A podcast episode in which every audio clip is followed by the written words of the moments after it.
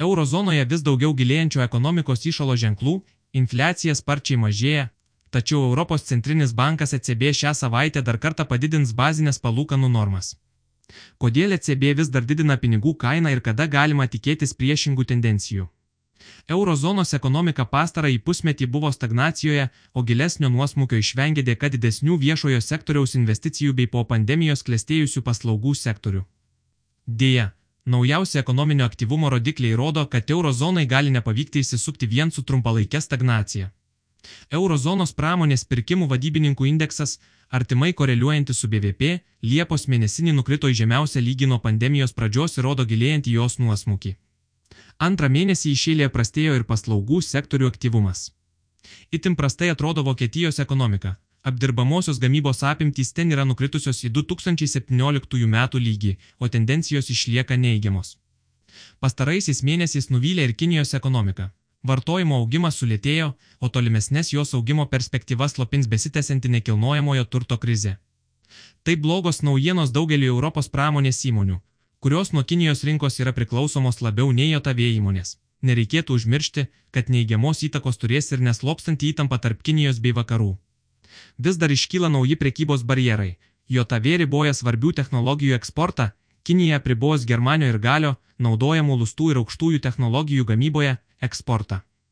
Europos ekonominės problemos nėra lokalizuotos jos pramonės sektoriuje.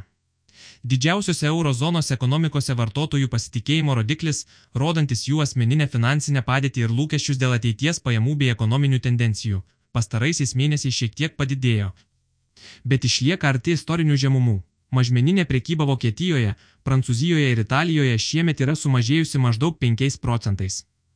Aptirpusi europiečių perkamoji galia ir sumažėjęs jų vartojimas yra svarbus veiksnys, užkertantis kelią tolimesniam kainų augimui.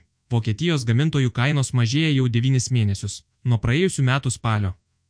Kol kas daugiausiai prie spartaus infliacijos mažėjimo prisidėjo atstatytos pasaulinės tiekimo grandinės ir palankios tendencijos žaliavų rinkose. Ženkliai atpigo nafta, gamtinės dujos, daugelis grūdų. Kodėl stebint ekonomikos stagnaciją ar net artėjančio nuosmukio ženklus bei sparčiai mažėjančią infliaciją ECB vis dar didina palūkanų normas? Pagrindinė priežastis - klestinti darbo rinka. Daugelie šalių rekordinis praėjusių metų pelningumas leido įmonėms nemažinti darbuotojų skaičiaus ir didinti atlyginimus net tuomet, kai sušlubavo paklausa.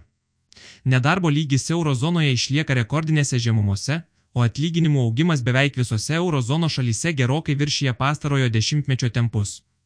Daugeliui gyventojų tai netrodytų gera priežastis griežtinti pinigų politiką ir sukelti papildomą finansinį stresą gyventojams bei įmonėms. Juk žemas nedarbo lygis ir sparčiau augantis atlyginimai nėra neigiamas ekonomikos reiškinys. Deja, šioje situacijoje ECB bijo, kad sparčiai augantis atlyginimai paskatins tolimesnį paslaugų brangimą, o dėl to infliacija nusistovės aukštesnėme nei 2 procentai per metus lygyje. Taigi, Tikėtina, kad tam, jog būtų pristabdytas atlyginimų augimas ir nuslopinti infliacijos lūkesčiai ECB pakels palūkanų normas daugiau nei reikėtų, o per artimiausius metus eurozonoje pamatysime ir ekonomikos nuosmukį. Ir didesnį nedarbo lygį. Gera žinia čia yra tik tai, jog šios savaitės palūkanų normų pakelimas jau gali būti paskutinis, o mažesnė infliacija ir ekonomikos problemos greitai, tikėtina, kad jau kitų metų pirmąjį pusmetį paskatins centrinį banką apversti plokštelę ir pradėti mažinti palūkanų normas.